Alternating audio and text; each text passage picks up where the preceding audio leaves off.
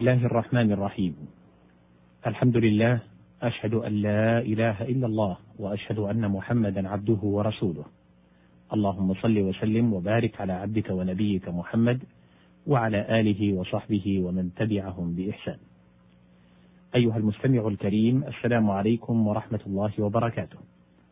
أحييك في مطلع هذا اللقاء في برنامج غريب القرآن. كان المقام قد توقف بنا في مادة الباء والشين والراء. قال بعضهم البشارة تستعمل في الخير والشر لأن البشارة عبارة عن خبر يتغير له البشر وذلك يكون في الشر كما يكون في الخير.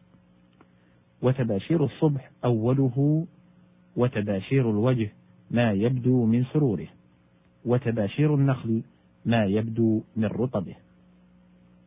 الباء والصاد والراء.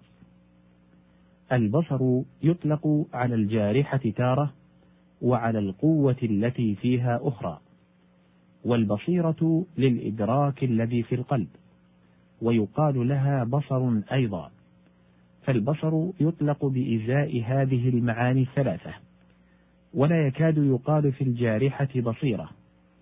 ومن الجارحة أبصرت ومن البصيرة بصرته وبصرت به. قال تعالى فبصرت به عن جنب أي تفطنت له. وقل ما يقال من البصر بصرت. وقوله تعالى ادعوا إلى الله أدعو إلى الله على بصيرة أي على معرفة وتحقق. وقوله بل الإنسان على نفسه بصيرة أي عليه من جوارحه بصيرة تبصره وتشهد عليه يوم القيامة. كقوله تعالى يوم تشهد عليهم ألسنتهم وأيديهم وأرجلهم. الباء والضاد والعين. قول الله سبحانه وتعالى في سورة يوسف ببضاعة البضاعة ما اقتطع من المال للتجارة. والبضع القطع والبضعة بالفتح بعض الشيء ومنه إنما فاطمة بضعة مني والمبضع ما يبضع به كالمنجل والبضيع الجزيرة في البحر المنقطعة عن البر والبضع ما اقتطع من العشرة فقيل هو ما بين الثلاثة إلى العشرة وقيل ما بين الخمسة إلى العشرة. وقال الهروي ما بين الثلاثة إلى التسعة. قال والبضع والبضعة بمعنى. قال تعالى فلبث في السجن بضع سنين وقال سيغلبون في بضع سنين. الباء والطاء والراء. قال الله تعالى في سورة القصص بطرت معيشتها. أصل البطر سوء احتمال الغنى. وقال الكسائي أصله من قولهم ذهب دمه بطرا وبطرا أي باطلا وقال الأصمعي البطر الحيرة ومعناه أن يتحير عند الحق فلا يراه حقا وقال الزجاج البطر أن يطغى أن يتكبر عند الحق فلا يقبله وقال الهروي البطر الطغيان عند النعمة وفي الحديث لا ينظر الله يوم القيامة لمن جر إزاره بطرا. ومنه الكبر بطر الحق وغمط الناس.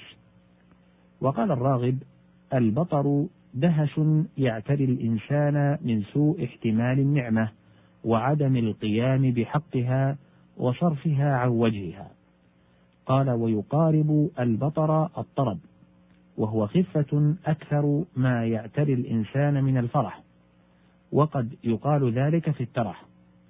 والبيطرة فعل البيطار وهو فيعال من ذلك.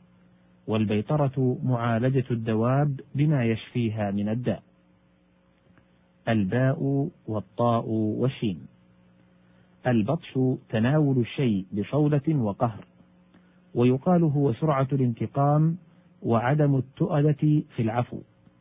وقوله تعالى في سورة البروج إن بطش ربك لشديد تنبيه على أنه سريع العقاب. ولم يكف أن ذكره بلفظ البطش حتى وصفه بالشدة. وقوله سبحانه في سورة القمر ولقد أنذرهم بطشتنا أي عقوبتنا السريعة. وقوله في سورة الشعراء وإذا بطشتم بطشتم جبارين أي تسرعون في جميع أفعالكم. إسراع الجبابرة. وفي الحديث فإذا أنا بموسى باطش بجانب العرش معناه متعلق بقوة.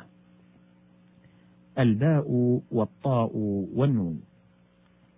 البطن يقابل الظهر ويعبر به عن داخل الشيء كما يعبر بالظاهر عن خارجه ويعبر به عن الجهة السفلى كما يعبر به عن العليا.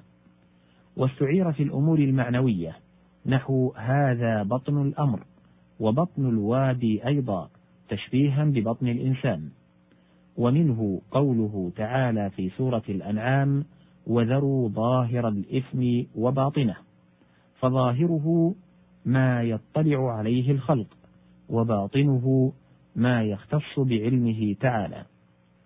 وقيل للعرب بطن وفخذ اعتبارا بأنهم كجسد ينفصل فصولا. وعليه قول الشاعر الناس جسم وإمام الهدى رأس وأنت العين في الرأس.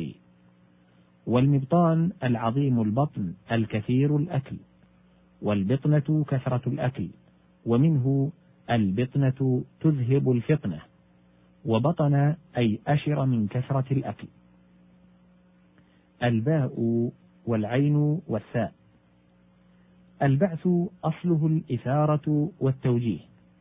ومنه بعثت البعير أثرته ووجهته للسير فانبعث. وبعثت رسولي أي أرسلته. ومنه قوله سبحانه وتعالى في سورة الفرقان لبعثنا في كل قرية نذيرا. وقوله في سورة المائدة فبعث الله غرابا أي قيضه ويسره. وبعث الله الموتى وذلك إقامتهم للحشر. ومنه قوله سبحانه في سورة الأنعام والموتى يبعثهم الله ثم إليه يرجعون.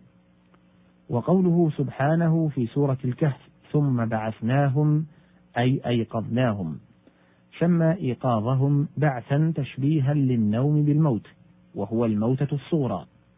ومنه وهو الذي يتوفاكم بالليل ثم قال ثم يبعثكم فيه. وقوله فابعثوا حكما من أهله أي أرسلوا وقوله سبحانه في سورة التوبة ولكن كره الله بعاثهم أي ذهابهم ومضيهم. وقوله من بعثنا من مرقدنا إشارة إلى فرط جهلهم حيث سموا ما كانوا فيه مرقدا وما كانوا عليه رقادا وقد كانوا في آلم الأشياء وأشغلها عن الرقاد. الباء والعين والثاء والراء.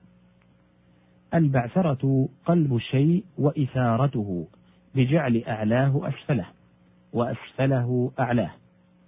قال تعالى وإذا القبور بعثرت. ويقال بحثرت.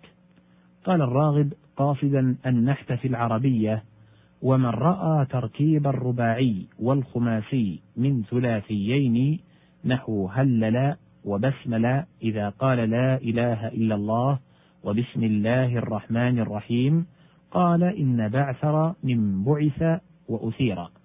وهذا لا يبعد في هذا الحرف فإن البعثرة تتضمن معنى بعث وأثير. انتهى كلامه وبه تنتهي هذه الحلقة. إلى لقاء قريب إن أذن الله سبحانه وتعالى. والسلام عليكم ورحمة الله وبركاته.